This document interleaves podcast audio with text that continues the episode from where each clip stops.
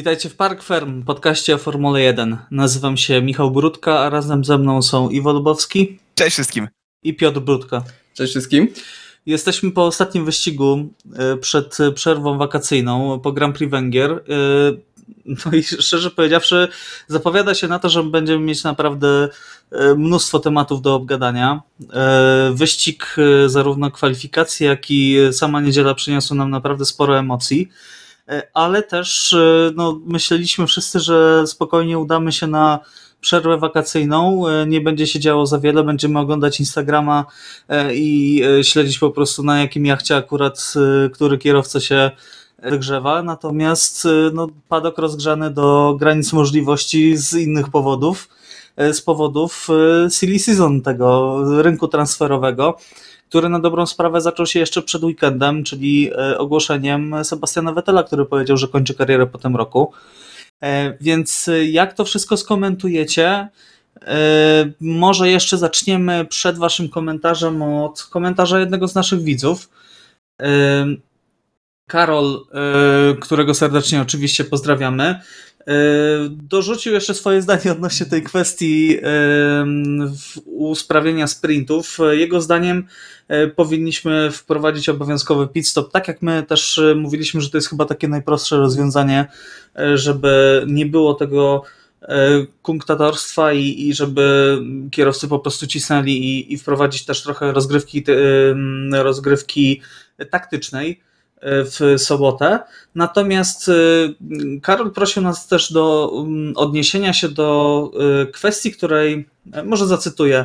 Mam wrażenie, że zmiany, które chce wprowadzić FIA względem y, dobijania, czyli porpoisingu e, i lobbying Mercedesa oraz ich kierowców to nic innego jak część dealu po poprzednim sezonie aby nie wnosili protestu do wyników z Grand Prix Abu Zabi, tak? I Karol chciałby znać nasze zdanie na ten temat. E, szczerze powiedziawszy, po ugodzie Ferrari z 2019 roku, kiedy sami pozwolili sobie e, w ramach pokuty, że tak powiem, za nielegalny silnik, e, pozwolili sobie no, skręcić ten silnik na 2020 rok. No ja jestem w stanie we wszystko w Formule 1 uwierzyć i w każdy deal, w każdą ugodę. Myślę, że dowiemy się prawdy za kilka lat dopiero. Nie wiem, jakie jest wasze zdanie. Tak, no tutaj mi się wydaje, że taką główną rzeczą jest to, że prawdy nigdy nie poznamy, albo tak, faktycznie zostanie ona nam przedstawiona w którejś książce za kilka lat, ale tak samo jak wydaje się to może taką troszeczkę teorią spiskową, na, jak się usłyszy o tym pierwszy raz, tak z drugiej strony to jest Formuła 1, jakby to jest polityka i jestem w stanie, jeżeli ktoś by mi powiedział, że to faktycznie miało miejsce i byłoby to potwierdzone, to bym się nie zdziwił. Także znaczy jest, ja to, jest tak, to możliwe. Ja powiem tak, że y, pod y, płaszczykiem y, koszt, znaczy pod płaszczykiem względu bezpieczeństwa można bardzo wiele rzeczy przepchnąć w Formule 1, które niekoniecznie do względu bezpieczeństwa się odnoszą. E, Ferrari i Red Bull bronią się przed tymi zmianami na przyszły rok, no jak mogą tylko tak. Mówią, że to jest absolutnie niepotrzebne i trzeba po prostu inaczej zbudować boli tak, jak oni to zrobili. No i tych problemów z dobijaniem ostatnio jest dużo, dużo mniej, dużo mniej się o tym mówi. Natomiast y, no to to Wolf powiedział, że były jakieś tam eksperymenty przez lekarzy prowadzone, y, że takie y, drgania w jednostce chyba herców, tam było między 1 mm. a 2 herce, mogą doprowadzić, e, tak długotrwale występujące, mogą doprowadzić do e, uszkodzenia mózgu nawet. Natomiast w porpoisingu, nie wiem czy on to mierzył w swoim Mercedesie, mm. było to nawet 7-8 Hz, tak? Długotrwałe przez cały, praktycznie cały wyścig, także może jakieś względy bezpieczeństwa też oczywiście odgrywają tutaj rolę. No natomiast y, no, bywały już takie sytuacje, gdzie różne zmiany w Formule 1 się pojawiały i mm, też mówiono, że to jest kwestia bezpieczeństwa, a później się okazywało, że y, na przykład y, na ten um, przypomina mi się od razu kwestia usunięcia tankowania z Formuły 1.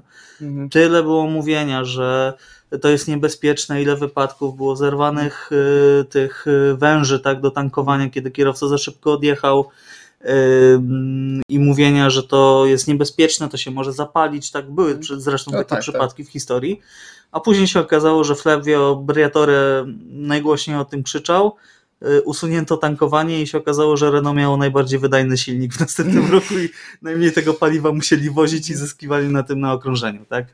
Także różnie to bywa. Y, chcielibyście coś dodać jeszcze w tej kwestii? Bo jak tak trochę się rozgadałem.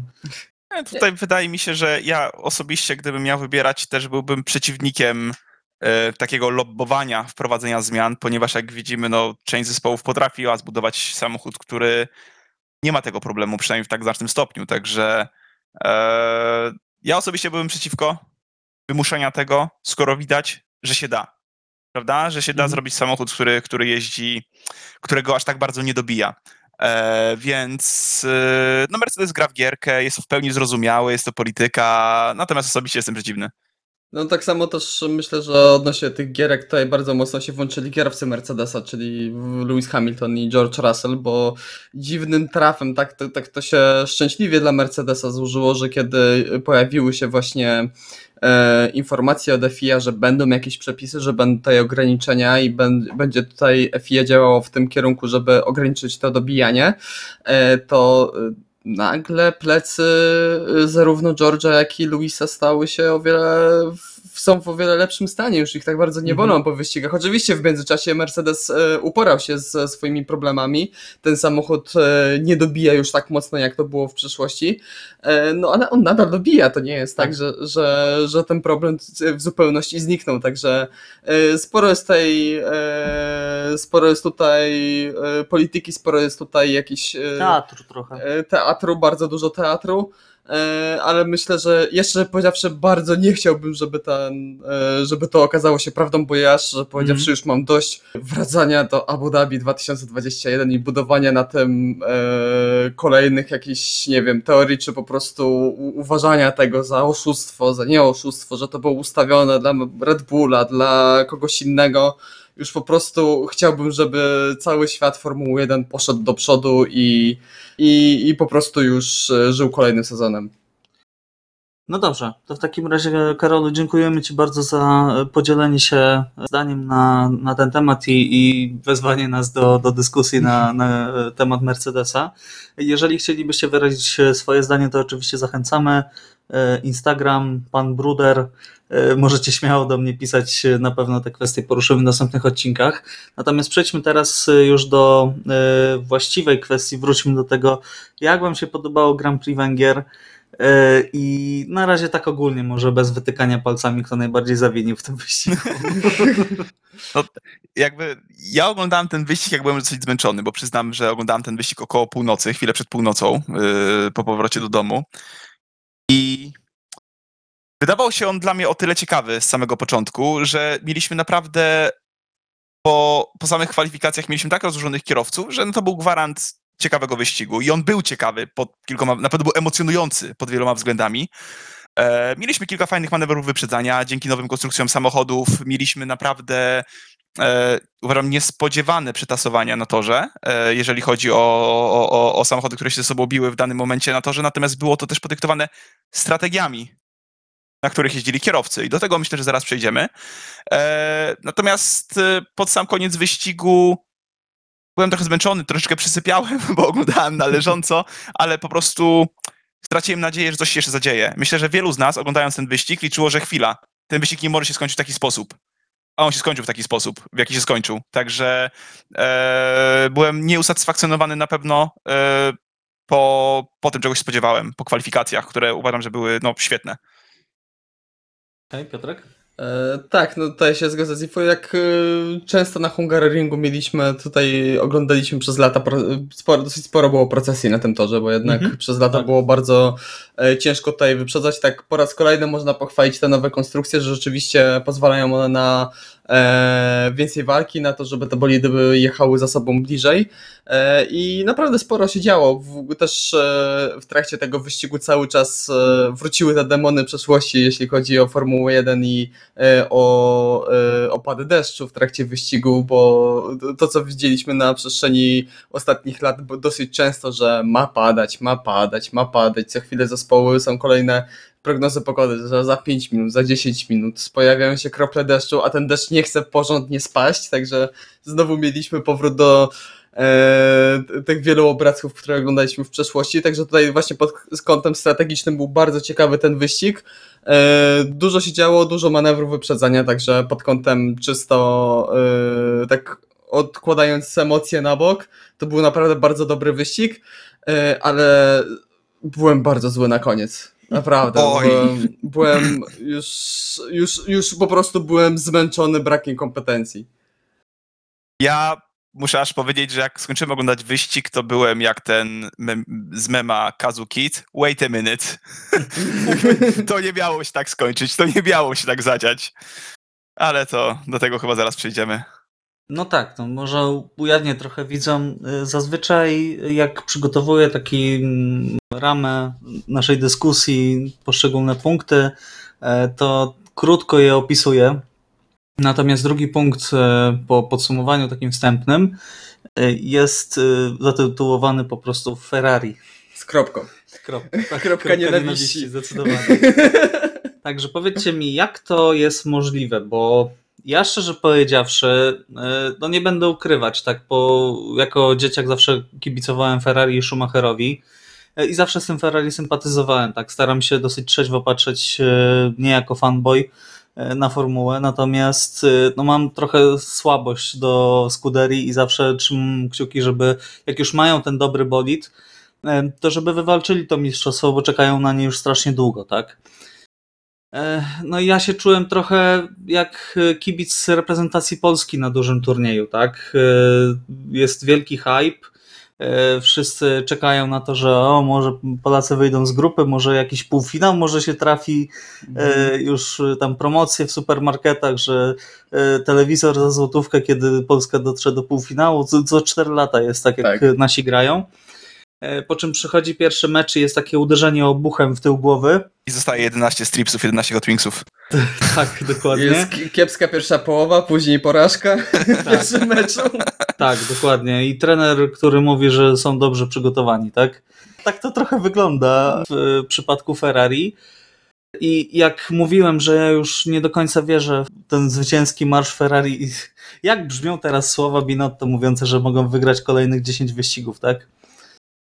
Ech, no mi ręce po prostu opadają i nie jestem w stanie uwierzyć, jak można było to w ten sposób wypuścić. Myślę, że gdyby wzięli stażystów E, nie wiem, czy są stażyści strategii wyścigowych, ale myślę, że gdyby wzięli jakichś naprawdę ludzi spod toru, e, to nie wpadliby na tak ciekawe rozwiązanie jak genialni strategzy e, Ferrari i myślę, że trochę się tutaj no miarka przebrała, tak? Jeżeli chodzi o cierpliwość kibiców, bo i myślę, że nie tylko kibice Ferrari byli po prostu wściekli na ten zespół, bo zepsuli nam na dobrą sprawę walkę o mistrzostwo w tym roku.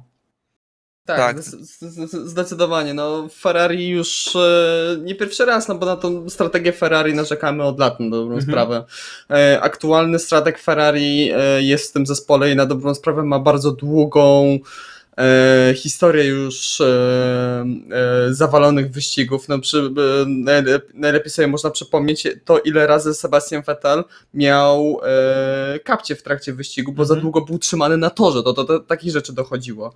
E, A w tym momencie to, co Ferrari zrobiło, jeśli chodzi o strategię, no to jest kryminał. To jest po prostu kryminał. To jest niedopuszczalne, żeby zespół z takim zapleczem, zespół z takim samochodem, no bo nie oszukujmy się, Ferrari jest e, na równi z Red Bullem, nawet momentami na niektórych torach jest po prostu lepszą. Mhm. Samochód Ferrari jest lepszą konstrukcją. Także mają naprawdę, mają dwójkę świetnych, utalentowanych kierowców, naprawdę mają wszystko, żeby walczyć o ten tytuł w tym sezonie, e, a na własne życzenie, czy to ze względu na strategię, czy to ze względu na niezawodność samochodu, czy też koniec końców też na poszczególne błędy swoich kierowców, no po prostu sami na własne życzenie pozbawiają się możliwości w ogóle o zawalczenie o, o ten tytuł, no bo nie oszukujmy się, ja jeszcze przed tym wyścigiem mówiłem, że no jest szansa, że myślę, że wszystko się może wydarzyć. No nie, nie, nie, już się nie może wszystko wydarzyć, to jest niemożliwe. Tym bardziej, że e, Mattia Binotto, co, co, on idzie cały czas w zaparte. On cały czas mówi, że e, on nic nie musi zmieniać, że jest wszystko ok. chillera, utopia, jest Że ma super. świetny zespół strategów. O, o.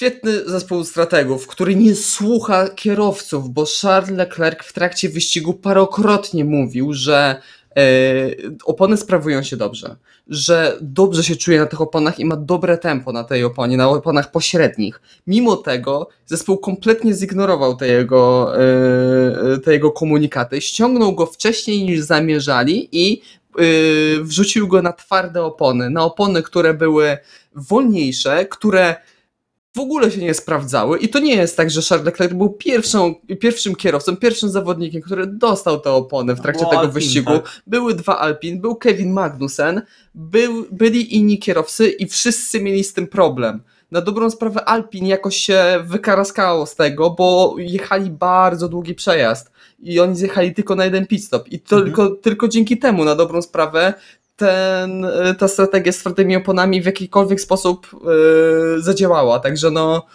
e, No dobrze, to może przedstawmy listę grzechów strategicznych Ferrari.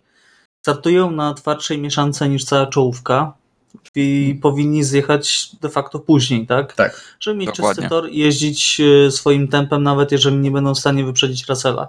Takie było założenie chyba. Hmm.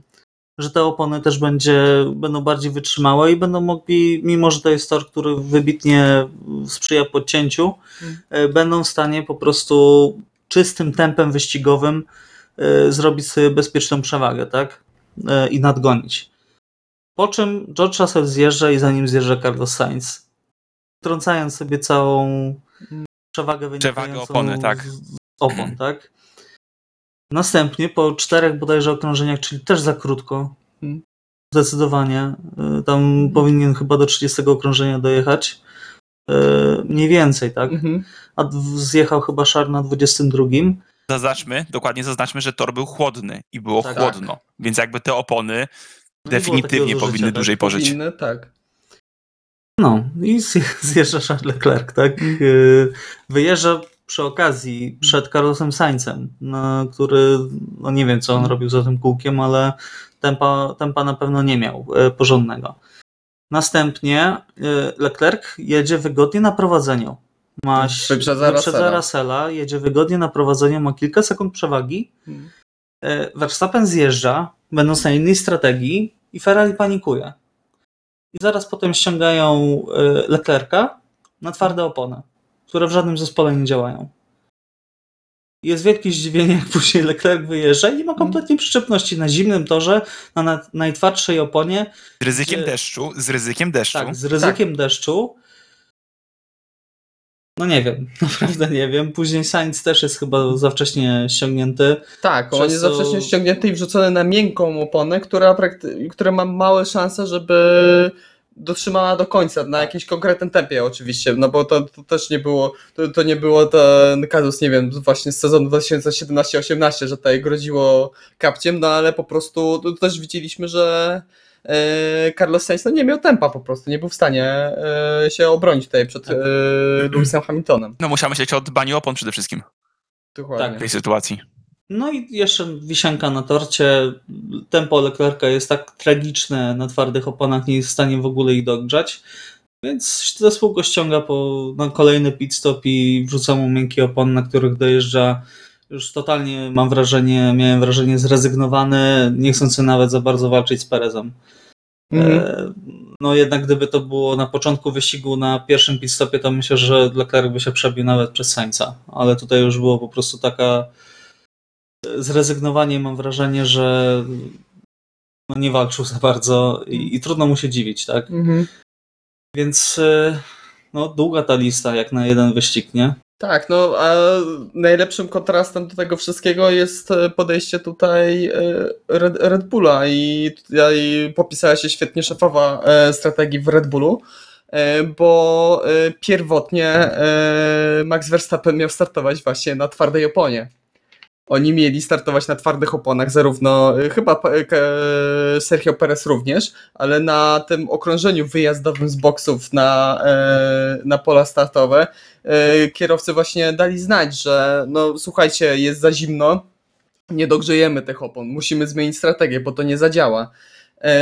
I cała strategia Red Bulla została przedefiniowana. No, y, najlepszym przykładem to, co powinno zrobić Ferrari, to jest skopiować jeden do jednego strategię Louisa Hamiltona. Tak. Bo startowali na tej samej oponie, powinni zjeżdżać praktycznie w tym samym momencie. Byli stosunkowo blisko siebie, więc jakby to jest dobry Jechali wyznacznik. dużo lepszym tempem. Przede Dokładnie. wszystkim. A Lewis Hamilton skończył ten wyścig tylko 7, pra- no pra- prawie 8 sekund za Maxem Verstappenem. Biorąc pod uwagę, gdzie było Ferrari, a gdzie był Max Verstappen, w trakcie tego wyścigu myślę, że Ferrari mogło dowieść dublet w tym wyścigu. Na Tak, spokojnie. to na jakby spokojnie. ja nie wyobrażałem sobie innego wyniku niż faktycznie dublet, zanim wyścig się zaczął, bo Russell na miękkiej oponie kontra Ferrari na pośredniej, okej, jeszcze Russell może troszeczkę stint, uciec. tak? Możemy Oczywiście. mieć faktycznie w pierwszym stincie troszeczkę, troszeczkę może nawet walki, ale ja nie, wyobra- nie byłem w stanie sobie wyobrazić takiego zamieszania. To w ogóle nie przychodziło przez, yy, przy, przy, przez moją głowę, żeby taka strategia w ogóle na tym torze się pojawiła, szczególnie w taką pogodę. Więc yy, tutaj wydaje mi się, że nie pamiętam, któryś z was wrzucił e, na, na naszym czacie generator strategii Tak. Formuły 1, więc yy, wydaje mi się, że zostało to bardzo mocno wykorzystane w, w zespole przed tym wyścigiem, w trakcie tego wyścigu, przepraszam, bo strategia wyglądała jakby była tworzona na gorąco, po prostu. No to wyglądało jak panika po prostu, tak? Tak. Jeszcze. Aha, jeszcze najgorsze było to, Ha, że jak może pyknie, może zadziała. Jak oglądałem na y, Sky TV, na Mm. F1 TV z komentarzem Sky TV, Mm. 26 okrążenie, dzwonią do Binotto. Y, Czy obawiacie się Maxa Verstappena? Wygląda bardzo szybko dzisiaj. Nie, nie obawiamy się jego tempa. Okej, dobra, spoko. A Verstappen przecież był wtedy ile? 10 sekund za nimi? No, to, to było e, dosyć krótko przed tym, jak, e, no jak ściągnęli właśnie Charlesa w obawie przed Maxem Verstappenem. No tragedia, no po prostu to była totalna tragedia. Jeszcze te- obrazki e, Mattii Binotto schodzącego z e, pitwallu i idącego tam w Tak. stronę motorhomu, no to, to, to jest e, To podsumowanie. wyglądało na jak sprawę. kapitan, który ucieka ze statku, Mm. zanim patrzeć, zanim je, y, uciec jako ostatni, tak? Mhm. Kiedy tonie. Jak Claire Williams kiedyś. w Melbourne. E, no tak, no. no.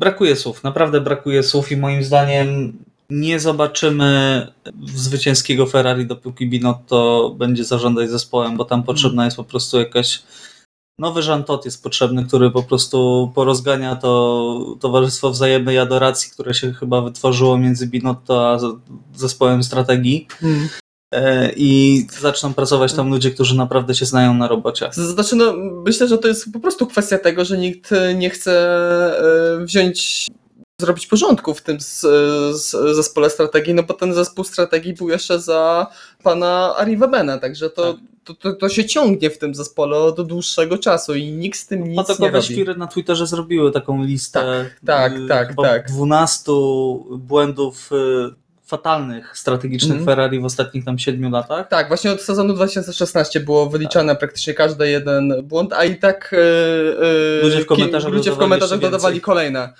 Także no to pokazuje no, skalę tego i tutaj to jak Carlos Sainz bronił tych strategów, czy właśnie Mattia Binotto się broni cały czas,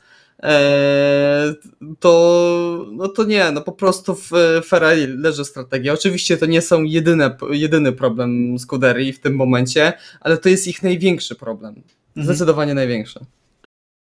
No dobrze. Czy kończymy powoli roast i przechodzimy dalej do poważnych zespołów, czy, czy jednak Tak poszło, I tak poszło dodać? gładko. Ja się Nie no, ja myślę- ja myślę, że na czatach po wyścigu.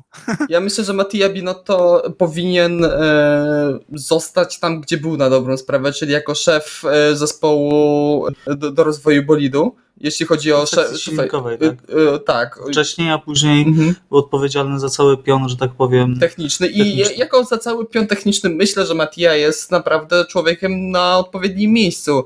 No bo ten, e, czy wcześniej jednostka napędowa, czy, cały, czy, cała konstrukcja Ferrari naprawdę e, robi robotę. Także Pomijając problemy z niezawodnością bolid, jest super. Tak, no dokładnie, także tym, tym mógłby się zajmować, no ale jeśli chodzi o cały zespół, zarządzanie całym zespołem, to ja od razu nie byłem szczerze powiedziawszy przekonany. Od momentu jak e, Arriva Bene odszedł, jak został ogłoszony właśnie Mattia Binotto, to ja już wtedy nie byłem za bardzo przekonany. No a teraz e, to, to się potwierdza po prostu. Nie, no ja myślę, że nie skończy się na tym, że Binotto wróci na poprzednie stanowisko, bo e, Arriva Bene odszedł głównie dlatego, że się tarli, bo tarcie o władzę i Binotto chciał rządzić całym zespołem, więc wątpię, Mm. żeby nagle pokornie wrócił do poprzedniej roli. Mm. E, więc e, no myślę, że jest jedno wyjście no Binotto out po prostu. Tak, tak, tak, zdecydowanie. I niech przyjdzie tam po prostu osoba, która może spoza środowiska Ferrari, nie chcę mówić spoza środowiska włoskiego, chociaż jest takie dosyć powszechne, e, powszechne zdanie, że dopóki Ferrari będą zarządzać Włosi, no to oni za bardzo nic nie osiągną. E, Mhm. Zwłaszcza, no jest ta cała otoczka Ferrari, tak, ta magia Ferrari, brakuje po prostu chyba osoby, która by to e, wzięła taką twardą ręką, jak Jean Todt wziął i poukładał e, no, Wraz z Rossem Brownem poukładał tak, cały poukładali zespół. cały zespół i ten zespół działał idealnie, tak, Mhm. e, i, i zdominował Formułę 1. Dobrze, przejdźmy dalej, bo, bo jest jeszcze cała masa naprawdę tematów do omówienia. E, Porozmawiamy o tym, co się działo w innych zespołach, bo Max Verstappen dokonał rzeczy, której no, nie dokonał wcześniej e, nigdy. Startował z 10 miejsca i wygrał wyścig, zaliczając dodatkowo piruet i wygrał jeszcze mając 8 sekund przewagi, tak? E, Więc e, no, Lewis Hamilton powiedział, zobaczcie, co on tam nawyczyniał. Mhm. Start 10 miejsca, piruet, a on jeszcze wygrywa z 10-sekundową przewagą. To najlepiej świadczy o bolidzie, jaki ma w tym momencie Red Bull. E, Helmut Marko bardzo ciekawą wypowiedź rzucił, jak to Helmut Marko ma w zwyczaju. E, Powiedział, że Ferrari w tym sezonie robi wszystko źle, że dla niego ten sezon jest dużo e, przyjemniejszy, bo w zeszłym roku strasznie dużo nerwów kosztowało go to, ta rywalizacja z Mercedesem, a teraz y, no wygląda to dużo spokojniej, tak? Y, Dokładnie. E, Dorzucił jeszcze, że Max Verstappen zupełnie innym kierowcą jest niż jeszcze kilka lat temu, bo wtedy był strasznie porywczy i e, teraz jak zobaczył, że e, mimo tego piruetu Max sobie spokojnie dojeżdża i w ogóle jest oaza spokoju, Nie, zosta- nie podpalił się tym, to tak, prawda, nie to było podpalił widoczne. się kompletnie e, i sposób w jaki zarządzał swoim wyścigiem e, no, wprowadza też zupełnie e, inną jakość pracy dla całej reszty, tak? Bo no widać to po Maxie, tak? Max e, to już nie jest ten kierowca sprzed dwóch lat, który no zdarzało mu się sporo błędów, tak? Mhm. Verstappen jest teraz, y, to mistrzostwo go strasznie umocniło mentalnie i utwierdziło go, że, y, że jest kotem po prostu. Tak, no i tak. Tak, y, no ma ogromną wiarę w siebie, w swoje umiejętności i też w zespół, tak, że, że są w stanie osiągnąć to mistrzostwo. I widzieliśmy to w niedzielę, no kapitalny wyścig Maxa Verstappena. Myślę, że ta, ta, to dyletanstwo Ferrari trochę przesłoniło to, ale to był naprawdę jeden z lepszych występów w ostatnich latach. Nawet. Tak, no widać było przede wszystkim, że y, jakby miał y, przed sobą naprawdę wyzwanie, prawda? Nie startował z pierwszego rzędu. E, Miał przed sobą dwa szybsze na tym torze bolidy, można powiedzieć tak naprawdę, e, przynajmniej w teorii, e, i umocnione Mercedesy. I widzieliśmy parę fajnych manewrów wyprzedzania, głębokich dohamowań, które naprawdę dalej robią wrażenie, prawda? Jest to mistrz świata, ale dalej te, tego typu manewry robią wrażenie. E, I tak jak właśnie powiedziałeś, o piruecie nawet się nie podpalił, tylko jechał swoim tempem, dbał o opony i korzystał ze, świetnie ze strony strategii pod jego, pod jego, pod jego wyścig. E, Także naprawdę czapki z głów. Najlepszy występ chyba Maxa, jaki widziałam od dawna. Tak, w pełni się zgadzam. To bardziej no, trzeba potwierdzić, y, podkreślić to, na jakim torze tego dokonał. Tutaj na dowolnym torze taki rezultat jest z wielkim osiągnięciem. No, można przy, przytoczyć chociażby, nie wiem, czterokrotnego mistrza świata Sebastiana Fettela, który y, nigdy nie wygrał wyścigu z pozycji niższej niż e, Trzecia. niż trzecia. Także, także tutaj naprawdę świetny rezultat. Wielkie brawa, bo to była fenomenalna jazda, mimo tego e, problemu ze, ze sprzęgłem, który spowodował ten obrót. E, w trakcie, w, e, w trakcie wyścigu, to i tak e, świetnie zarządzał oponami, świetnie zarządzał tempem i to, to, to co mówicie, widać po prostu, że ten tytuł mistrzowski sprawił, że jest bardzo, bardzo pewny siebie, bardzo spokojny. No i trochę mnie to martwi, bo możliwe, że to zaczynamy oglądać początek dominacji Maxa Verstappena na najbliższe Podziękuj. Ferrari. Mam nadzieję, że, że jednak walka w przyszłych sezonach będzie wyrównana. Bo na razie to jest, e, no, to, to jest dominacja, no nie ma co się oszukiwać. Dobrze, mówimy o jednej z największych gwiazd obecnej Formuły 1. E, To porozmawiajmy teraz e, troszeczkę o zespole Mercedesa. No, kolejny fantastyczny wynik. Mamy najlepszy wynik w roku dla Louisa Hamiltona. Mamy pierwszy pole position dla Russella, który kompletnie wyskoczył z zaskoczenia wziął, przynajmniej mnie, bo nie miał rekordów w żadnym sektorze. Natomiast poskładał tak e, bliskie e, no, ideału tych sektorów Ferrari najszybszych e, okrążenie, że w ostatniej chwili e, zgarnął pole position, startował z pierwszego miejsca, no i nie było tego George'a Russella sprzed dwóch lat, który masowo tracił pozycję, tylko bardzo ładnie obronił się e, przed e, Carlosem Saincem e, i naprawdę dał radę.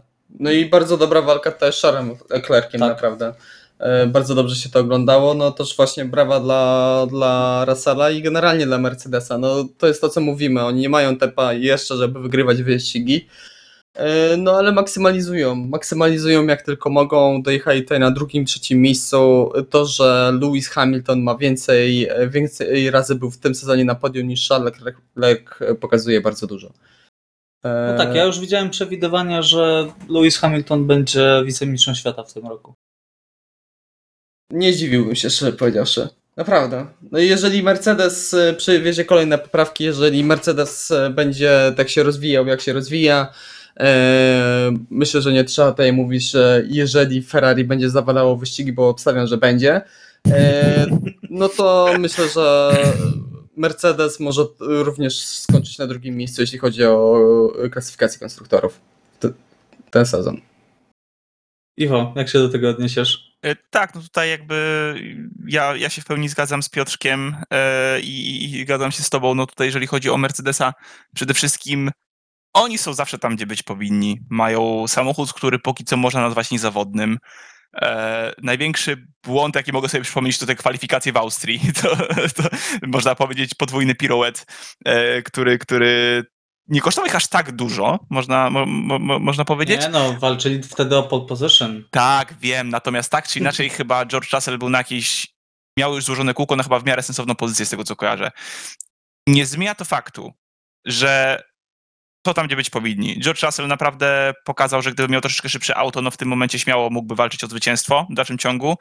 Eee, wykręcił fenomenalne kółko w kwalifikacjach, które, no właśnie, bardzo lubimy oglądać chyba kwalifikacje albo w mieszanych warunkach pogodowych, albo na dosychającym torze. No, dzięki temu tego typu smaczki możemy, możemy oglądać. Eee, I czy drugie miejsce, czy Lewis Hamilton bądź na przykład George Russell mają szansę na wicemistrzostwo? No wydaje mi się, że jednak Sergio Perez tutaj e, powinien to dowieść i szczerze mu tego życzę. E, ale naprawdę wierzę w to, że Mercedes zajmie drugą pozycję w konstruktorach. Tak, no jeśli chodzi o tutaj klasyfikację konstruktorów, to pomiędzy Ferrari a Mercedesem jest już e, tylko 30 punktów przewagi, tak dla porównania. E, Red Bull, który miał być głównym rywalem Ferrari w tym sezonie, e, jest e, 100 punktów e, przed e, Ferrari, także e, grande, grande. Nie wiem, co się E, musi zdać w przerwie wakacyjnej, żeby, żeby faktycznie zaczęli wygrywać. Tam, Nie wiem, może w Miesiąc to chyba się w głowie żeby doszło do rewolucji. Ale to mówicie teraz o Ferrari czy o Mercedesie? nie, nie, nie, teraz, bo ca... o Ferrari, widzisz, wracamy do Ferrari cały czas, przez ten drugi punkt, który zapisałeś z kropką. Tak, Jakby- ta, ta kropka nienawiści. Ten Mercedes, który ma cały szansę czas. ten Mercedes, który ma- pamiętajcie, pamiętajcie, że wchodzi nowa dyrektywa właśnie o porpoisingu, e, która Mercedes e, bardzo e, konsultował z e, FIA, No już na Kanadę mieli gotowe rozwiązanie, dokładnie. także tutaj Mistrzostwo Świata. więc w końcu ona wchodzi. Ma być badana też ta podłoga e, Ferrari i Red Bulla, więc no, mo może się trochę układ sił zmienić, tak, na korzyść Mhm. Mercedesa, E, więc y, zobaczymy. Dodatkowo już czytałem, że Mercedes szykuje y, kolejny pakiet poprawek właśnie na Belgię. Tak, wiem, Kolejny. Piotrek w tym momencie już y, tylko uśmiechnął się. Y, Natomiast no, trzeba, trzeba powiedzieć, że nie zakończyli jeszcze rozwoju bolidu na ten y, rok y, i wygląda to coraz lepiej. Tak? Coraz bliżej są Mhm. jednak czołówki. Prawda, wykorzystują zazwyczaj błędy przeciwników, natomiast no, wykorzystują to no, z taką niemiecką precyzją Tak, naprawdę. no No i muszą być mieli- blisko i są blisko. Będą mieli również odrobinę więcej czasu w e, tunelu aerodynamicznym, także zobaczymy.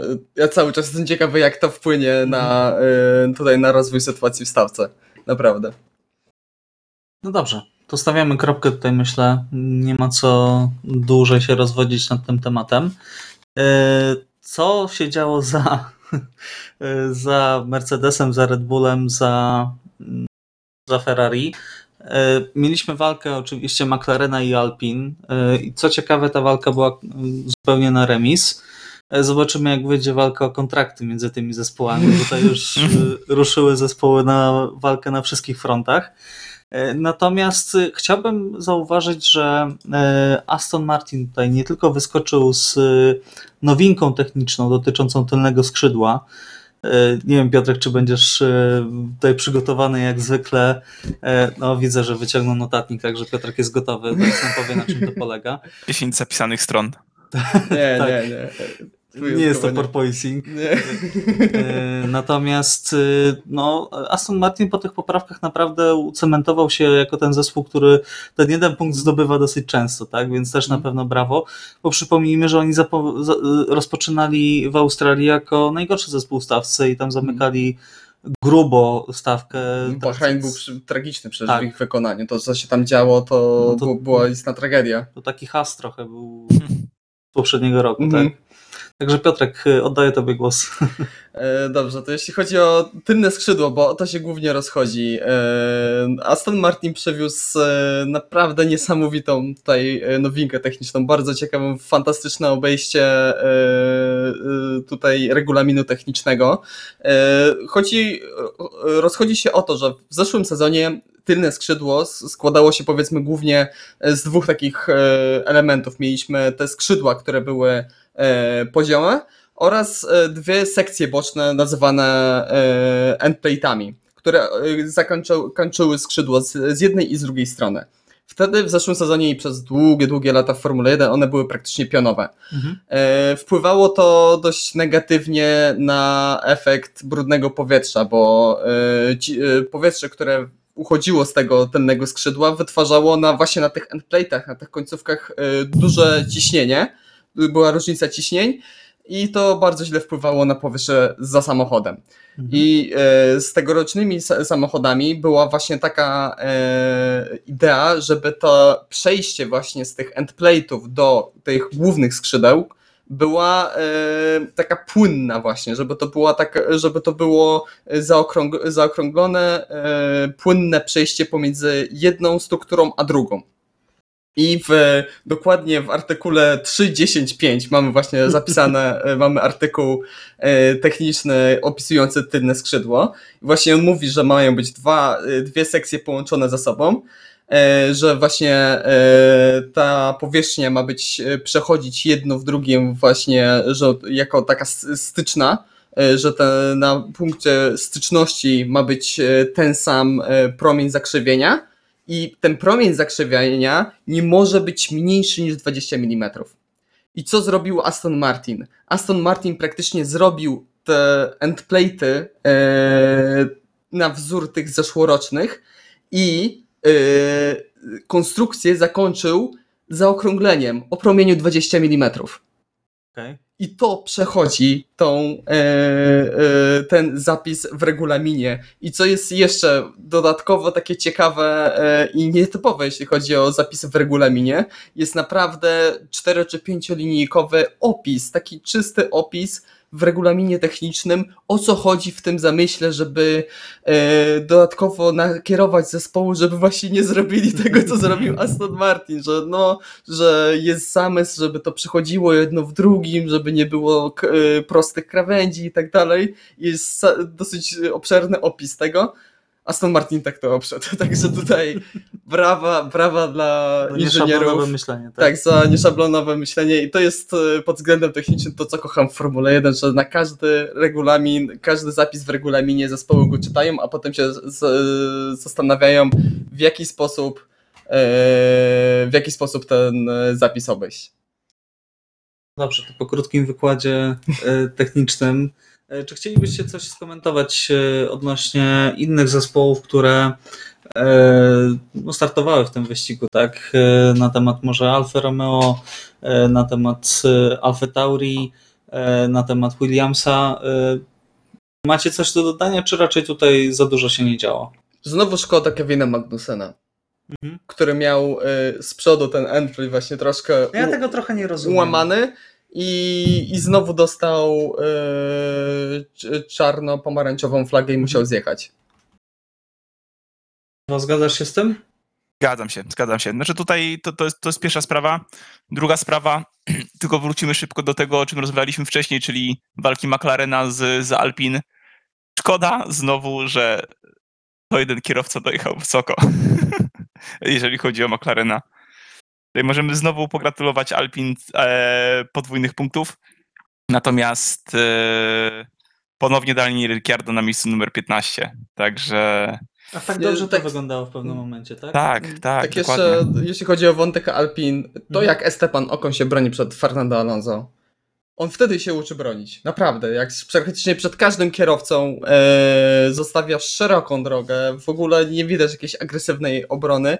Tak na pierwszych okrążeniach, czy nawet później w trakcie tego wyścigu, to jak się Esteban Ocon bronił przed Fernando Alonso na torze, niesamowite. Nagle, to, to coś niesamowitego Można. się działo. Na- Nagle można, nagle można się bronić. Ja chciałbym tylko trochę mm, tak y, wspomnieć jeden z nielicznych dobrych fragmentów Daniela Ricciardo, e, to te podwójne wyprzedzenie. E, Mhm. To, to E, taki tak. przebłysk tak, e, tego dawnego danego. Właśnie po y, fantastycznej obronie Esteban Ocona. No dobrze, e, to stawiamy kropkę Grand Prix Węgier 2022. Jedno z lepszych Grand Prix Węgier, naprawdę. tak, bardzo dobre, ale bolesne. Tak. Tak, tak, tak. Wywołujący naprawdę dużo emocji. No ja nie pamiętam, kiedy ostatni raz byłem tak e, zmieszany, z, wściekły i zdołowany. Taką, taka mieszanka dosyć Ja bym powiedział w jednym 1. słowie, jaki byłem, ale tutaj musiały być explicit content, naprawdę. Ja, ja myślę, że wiesz co, Michał, co mi się przypomniało? Byłem rozsierdzony, o. E, e, mi się przypomina e, gram, e, wyścig na Moncy, gdzie Sebastian Vettel na pierwszym okrążeniu się obrócił e, ob, e, po kontakcie z Lewisem Hamiltonem, a później e, z, e, Kimi Raikkonen został rozegrany przez dwa Mercedesy. Myślę, Dwa- że pod- 2018, 2018. Chyba tak, chyba to był sezon No, 2018. po co do tego wracać, Piotrek? Zostawmy już to. Jedno bolesne wspomnienie po tym wyścigu wystarczy. E, Dobrze, to mm, mamy takie dosyć tradycyjne e, podsumowanie pierwszej części sezonu. E, Co prawda technicznie połowa sezonu już za nami, natomiast e, ta przerwa wakacyjna zawsze jest takim punktem granicznym.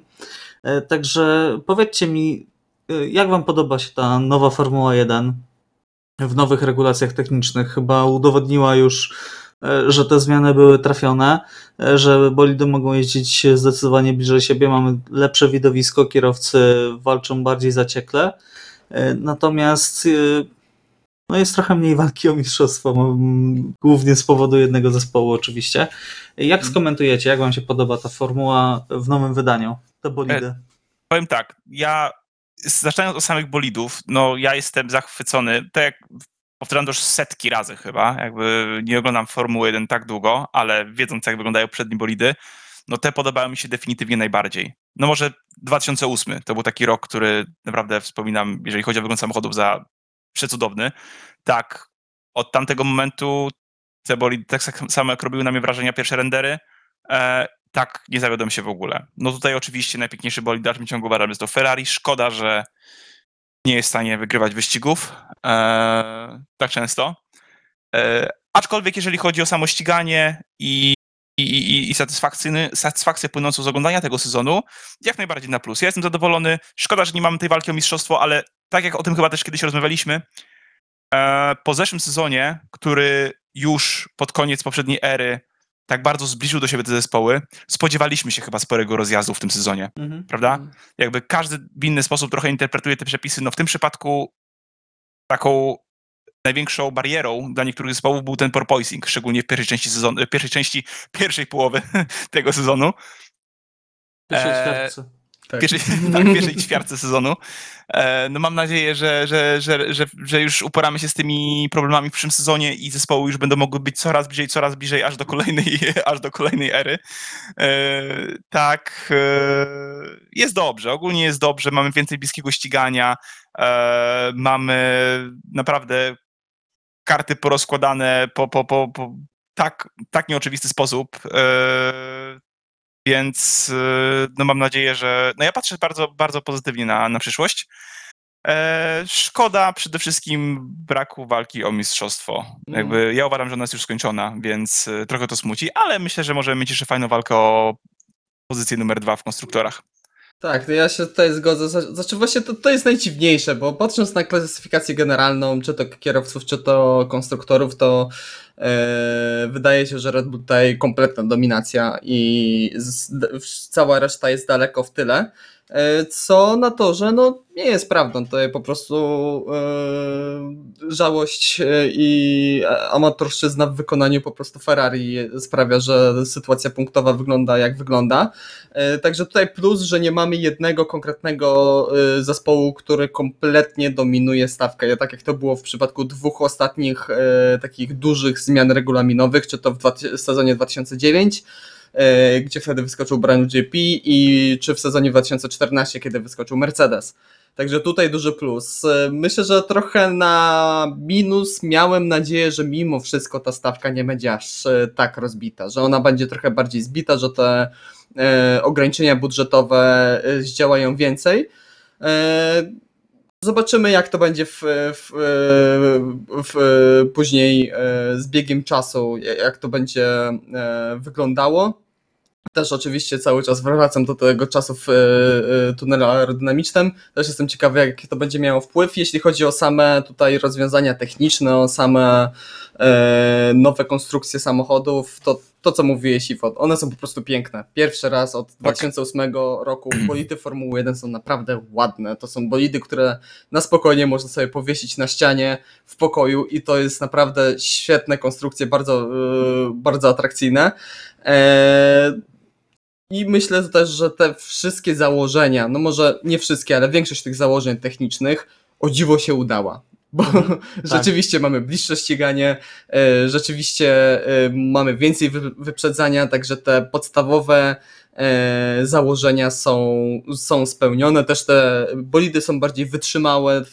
Nie jest tak, jak to było w ostatnich sezonach, że w trakcie jakiegoś kontaktu mnóstwo leciało tego włókna węglowego na tor. E, także myślę, że e, idziemy w dobrym kierunku. Mhm. E, no i zobaczymy. Generalnie jestem naprawdę zadowolony. Jeszcze z takich rozczarowań szkoda, że nie mieliśmy jeszcze takiego naprawdę szalonego wyścigu w tym, w tym sezonie, bo od początku roku wygrywa tylko i wyłącznie albo Red Bull, albo Ferrari. Także fajnie zobaczyć na pierwszym stopniu podium w końcu kierowcę Monza, Monza przed nami jeszcze. Przez dwa, lata, przez dwa lata dowoziła bardzo, więc mam nadzieję, że się nie zawiedziemy i teraz. Alonso, proszę. o, o, o. Tak, na pewno Alpin pozwoli teraz tak. wyścig. E, dobrze, to w takim razie panowie e, już tak trochę konkretniej. E, jeżeli chodzi o zespoły kierowców, to najlepszy zespół i najlepszy kierowca i najgorszy zespół i najgorszy kierowca. Może ja dla, dla odmiany zacznę najlepszy kierowca Max Verstappen. No to jest absolutny robot w tym roku i ten tytuł, tak jak mówiliśmy już, dał mu sporo pewności siebie i no jest takim jest jak rekin, tak? Jak tylko trochę krwi poczuje, to od razu rusza i nie okazuje żadnej litości. Najlepszy zespół Red Bull Racing. Naprawdę to, w jaki Mhm. sposób oni e, poradzili sobie, też mieli przecież problemy na początku z porpoisingiem, bardzo szybko go wyeliminowali. Opóźnienia na testach jeszcze, to Tak. też. opóźnienia na testach, a sobie poradzili fantastycznie po prostu. E, Mieli problemy przecież z bardzo wysoką wagą bolidu, też to zbili. Byli wolniejsi przecież na początku sezonu od Ferrari, też straty bardzo szybko odrobili, także naprawdę jestem ciekaw, jak to będzie wyglądało w drugiej części sezonu. Natomiast Red Bull naprawdę no, top, co widać po e, też zarządzaniu kierowcami, e, w jaki sposób sobie z tym radzą. E, I naprawdę no, przypomina mi to trochę Red Bulla z tych e, lat dominacji Sebastiana Vettela. Że to była Mhm. taka dobrze naoliwiona maszyna. Jeżeli chodzi o rozczarowania, to moim zdaniem, jeżeli chodzi o kierowców, to Daniel Ricciardo. Sorry, Dane, Mhm. ale po nowych bolidach, gdzie mieli praktycznie taki sam start e, z Lando Norrisem, e, no ten drugi sezon e, no jest bardzo brutalną weryfikacją. Ten bolid mu nadal kompletnie nie pasuje. Widziałem też takie miażdżące porównanie. No niestety, że wszystkich sektorów w kwalifikacjach i dany wypada najgorzej. Na 39 sektorów był tylko pięć, w pięciu sektorach szybszy od Lando Norrisa. No Jest to absolutna przepaść, tak? E, Więc to jest moje rozczarowanie, jeżeli chodzi o, o kierowców. No, Natomiast jeżeli chodzi o zespół Williams po zeszłym roku i co prawda bardzo fartownym podium, No to nie, nie było podium. No, no dobrze, się, ale no. jednak e, dosyć często zdobywali punkty, tak? I Mhm. liczyli się w stawce, a I tutaj... regularne, wysokie kwalifikacje, można powiedzieć. Dokładnie. Natomiast tutaj no, krok w tył i, i zostali z tyłu kompletnie, jeżeli chodzi o klasyfikację punktową. Bo Mhm. jednak w wyścigu zazwyczaj koło tego 12 miejsca się znajdują, tak? Mhm. To Piotrek, przekazuję tobie pałeczkę. Okej, ja tak na dobrą sprawę, jeśli chodzi o te największe e, zaskoczenia, do najlepszych kierowców, najgorszych, to ja bym się mógł tutaj w pełni podpisać na tym, co, co ty powiedziałeś, także trochę, żeby się e, tutaj odróżnić, to myślę, że jeśli chodzi o najlepszego kierowcę, to ja chciałbym e, docenić George'a Russella. I co ja naprawdę- e, który naprawdę świetnie wszedł e, w Mercedesa. W ogóle nie było widać e, tego, że wchodzi w nowy zespół. Oczywiście, no, znał ten zespół dosyć dobrze, no ale mimo wszystko masz obok siebie e, siedmiokrotnego mistrza świata, także jest to bardzo, było to bardzo trudne na pewno wyzwanie. Poradził sobie fantastycznie, także tutaj duże brawa. Jeśli chodzi o najlepszy zespół, który chciałbym pochwalić, no pomijając oczywiście Red Bulla, to ja myślę, że chciałbym pochwalić e, Alpin, które mimo, że na początku miało znaczy e, Alpin pod, względem e, osiągnięć na torze, bo to, to co się wydarzyło od niedzieli po Grand Prix Grand Prix Węgier to już trochę Rozmawiamy jeszcze e, za, zaciemnia ten obraz, ale mieli na początku sezonu e, duże problemy, a teraz Zmiana naprawdę... szefa przecież. Tak, zmiana szefa.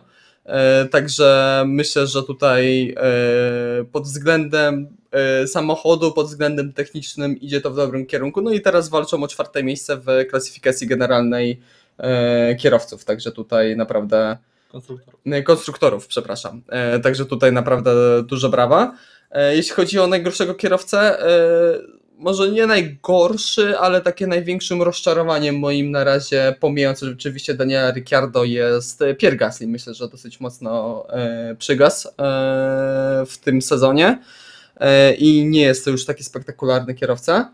E, a jeśli chodzi o e, najgorszy zespół, najbardziej mnie zawiódł, szczerze powiedziawszy, Aston Martin. Bo ja obstawiałem, że po tych wszystkich, po tych transferach, jeśli chodzi o, o inżynierów, jeśli chodzi tutaj o całe zaplecze, że będą naprawdę o wiele wyżej. Może nie będą Mocno się walczyli o podium. tak? Tak, mocno się nastawiali, a e, początek sezonu no, był kompletnie tragiczny. Okej, Iwo? Nie cierpię być trzeci. tak, tutaj wiadomo, podpiszę się pod Maxem, podpiszę się pod Red Bullem, ponieważ tak sobie, sobie to zapisałem. George'a Russella, jeżeli chodzi o najlepszego kierowcę, właśnie chciałem postawić na drugim miejscu za regularność. Eee, w sumie też, żeby coś jeszcze dodać, no to bardzo duże wrażenie na mnie zrobił eee, Fernando Alonso, który już, e, gdzie przewaga, można powiedzieć, Okona e, bardzo stopniała e, nad Fernando e, i dowozi bardzo solidne punkty, plus duży, to to na mnie olbrzymie wrażenie zrobiło, jeżeli chodzi o takiego kierowcę, to jest ta inteligencja wyścigowa, nie wiem jak ja to mogę ująć, ale po prostu ta wiedza, którą wykorzystuje, ta bystrość, cwaność, do tego jeszcze przejdziemy, ale to, co robi na torze, wykorzystując to, i przed wyścigami, e, patrzmy Grand Prix Austrii chyba, tak? Jakby przygotowanie Tak. się do, do, Tak, do, tak, do wyścigu. E, to było coś niesamowitego. Także naprawdę jest to kierowca, który cieszy się, że wrócił do stawki. Nie tylko z tego powodu, e, ale też myślę, że mogę podać go jako taki naprawdę jasny punkt tego sezonu. Z zaskoczeń to, to można pośrednio nazwać zaskoczeniem, rozczarowaniem, ponieważ Mercedesa chcieliśmy, y, chcieli, znaczy może niekoniecznie my by chcielibyśmy oglądać, ale spodziewaliśmy się, że mogliśmy, no, moglibyśmy go oglądać walczącego o mistrzostwo, czy tam przynajmniej solidnie o, o, o regularne zwycięstwa. Tak, po początku sezonu dla mnie bardzo dużym zaskoczeniem jest y, progres Mercedesa, który zrobił i to, że cały czas jest w stanie dojeżdżać na podium. Cały czas kierowcy znajdują się tam, gdzie się znajdują, więc tutaj zarówno ukłon w stronę George'a Russella, jak i Louisa Hamiltona, który widać, że się odbudował. E, z rozczarowań pod kątem zespołu Ferrari przede wszystkim, które dawało nam nadzieję na walkę o mistrzostwo. E, z kierowców Daniel Ricciardo, więc e, tutaj już nie chcę się powtarzać. Dałem również Williamsa, który dawał nadzieję na poprawę, szczególnie po zeszłym sezonie. Więc tutaj temat myślę, że jest już wyczerpany. Najgorszy kierowca. Hmm. No tutaj, tak patrząc czysto obiektywnie na tabelę i, i jakby moje, można powiedzieć, e, też e, przemyślenia, no jest to Nicolas Latifi, który zostaje rozjechany kolejny raz przez kolegę zespołowego, przez kolegę zespołowego, który zwrócił po przerwie od ścigania w Formule 1. E, Więc wydaje mi się, że dla tego kierowcy w stawce już miejsca nie będzie i chyba też nikt nie będzie za nim płakał. No ale Iwo, powiedz, kto wygrał trening? O, e, no, wow, no niesamowite. Przypominam tylko, że Latifi awansował do Q3, albo nie. Jechał wtedy Dobrze. starszym bolidem. Wspaniale. Go. Wspaniale, wspaniale. E, natomiast dalej, no, no nie, nie, nie. Przegrywa z, kole, ko- przegrywa z kolegą, który jeździł po przerwie. E, no w tym przypadku moim zdaniem to już nie jest, e, no tutaj już ciężko jakieś wymówki. A to jest dziwne, bo miał zeszły sezon naprawdę bardzo przyzwoity. Nie odstawał tak od Russella przecież. Tak, i dokładnie, bo tutaj były dwa czynniki. No, samochód jeździł lepiej stosunkowo. E, Latifi też miał naprawdę fajne momenty, jeżeli chodzi o, o, o zeszły sezon i też zdobywał punkty. No tutaj jest jakaś kompletna, totalny spadek formy. No Więc... po, może po prostu bolid nie, nie pasuje, no to też się tak może Mhm. zdarzyć, a to, że y, Nicolas Latifi no nie jest... Y, Orłem. y, tak, no biorąc pod uwagę oczywiście tutaj skalę Formuły 1, to w skali Formuły 1 no nie jest y, Tak. nawet średnim kierowcą, no to wygląda to jak to wygląda i początek sezonu był naprawdę bardzo słaby. W szczególności, gdzie tam było bardzo dużo dzwonów w wykonaniu Nicolasa. Tak. Z rozczarowań, no Aston Martin to, mówię, chłopaki, wyczerpaliście temat, jakby naprawdę Okej, wydaje mi się, że tutaj tak. pogląd na to mamy bardzo podobny, także... Ja chciałbym jeszcze tak. pochwalić e, Kevina Magnusena, który też po przerwie wskoczył i naprawdę dowoził bardzo duże punkty. Ma trochę pecha w ostatnich wyścigach, też e, trochę Jest pomaga dalej na temu. Daniel Ricciardo, aż te, faktycznie tak teraz dopiero się Dokładnie. zorientowałem. Dokładnie. E, też trochę pomaga, powiedzmy temu pechowi, też się trochę pcha momentami e, za mocno na tych pierwszych okrążeniach, ale myślę, że naprawdę można Kevina i też generalnie całego Hasa pochwalić e, za ten sezon, bo biorąc pod uwagę, jakie oni mają możliwości techniczne i finansowe, to naprawdę e, duże brawa. No tak, biorąc pod uwagę, że mm, no, nie wyglądało to kolorowo w zeszłym roku. Przywieźli tylko jeden pakiet poprawek i ten teraz na Węgry e, i to do jednego bolidu de facto. E, To to, że mają 34 punkty i są przed Alfa Tauri i Astonem Martinem, w którego Stroll wpakował tyle kasy, no to naprawdę szapoba, panie Steiner. E, I oby tak dalej. E, Dobrze, to jeszcze tylko e, jedna rzecz w podsumowaniu. Najbardziej pamiętny moment dla Was z tej pierwszej połowy sezonu. Ja pierwszy teraz, żebyście mnie nie zabrali. Proszę bardzo. Tak. E, szczerze mówiąc, musiałem chwilę się pozastanawiać nad tym, który moment był moim ulubionym, ale moment, który mnie tak wyrwał wręcz z kapci, e, to chyba jednak była końcówka Grand Prix Wielkiej Brytanii.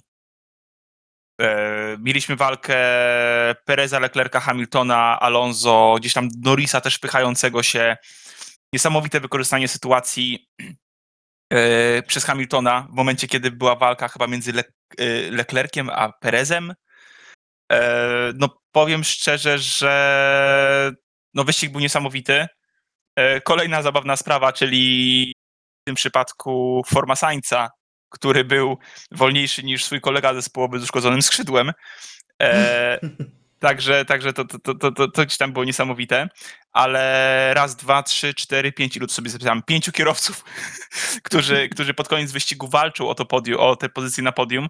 No naprawdę zrobił to na mnie bardzo duże wrażenie. Był to taki chyba koronny dla mnie moment tego sezonu póki co. Okej, okay. Piotrek? Ja myślę, że e, pomijając właśnie też to, co Iwo e, tutaj wymienił, no bo generalnie to mieliśmy bardzo dużo ciekawych wyścigów i to była naprawdę dobra e, pierwsza połówka tego sezonu. E, ja myślę, że pierwsze dwa, trzy wyścigi, kiedy tam były te walki, czy to w Bahrajnie, czy to w Arabii Saudyjskiej. Były nadzieje. Verstappenem, a Leclerciem właśnie były bardzo duże nadzieje, że tak to będzie przez resztę sezonu wyglądało pomiędzy tą dwójką. Także myślę, że to są te takie obrazki. A druga sprawa to ta walka pięciu bolidów w Austrii, gdzie tam się zbili, był właśnie, były dwa McLareny, był Haas Kevina Magnusena, jeśli dobrze pamiętam. I Schumacher też tam był. Tak, chyba tam był właśnie Schumacher i chyba jeszcze się wmieszał w to Alonso. Tak. Że gdzie tam praktycznie każdy każdego wyprzedzał, jechali bardzo blisko siebie, także myślę, że to też było fantastyczny moment i trochę tak właśnie pokazujący tę zmianę techniczną w tym sezonie. To ja troszkę innym tropem poszedłem, jeżeli chodzi o najbardziej pamiętny moment. Jak napisałem ten punkt, to od razu dostałem takiego flashbacka, jak ten, jak po prostu PTSD ze strefy wojennej. Hmm. Miałem przed oczami jeden moment w Imole i obrót Charla. Hmm. To było pierwsze takie pęknięcie na tym pięknym obrazie Ferrari, które miało się ogarnąć i miało już nie być takich wpadek.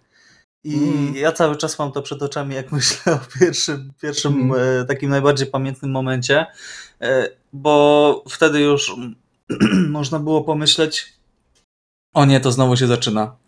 No i się I zaczęło. się zaczęło. Ja myślę, że też takim pamiętnym momentem, a w szczególności komunikatem radiowym, który zostanie z nami na lata, to będzie ten e, błąd e, w, w, we Francji. Francja, tak. E, gdzie wypadł z toru i no, ten komunikat radiowy, tak, ten, ten wrzask e, Leclerca przez radio, no to to, to, to zostanie z nami na wiele, no, wiele, To jest wiele taki lat. idealny po prostu fragment na podsumowanie sezonu, tak? Tak, dokładnie. I w tym momencie zakończyliśmy rozmowę na temat Grand Prix Węgier. E, nagranie wyszło nam bardzo długie, dlatego postanowiliśmy też, że podzielimy ten odcinek na dwie części. Druga część ukaże się w ciągu najbliższych kilku dni. Dziękujemy Wam za uwagę i do usłyszenia wkrótce. Trzymajcie się, cześć.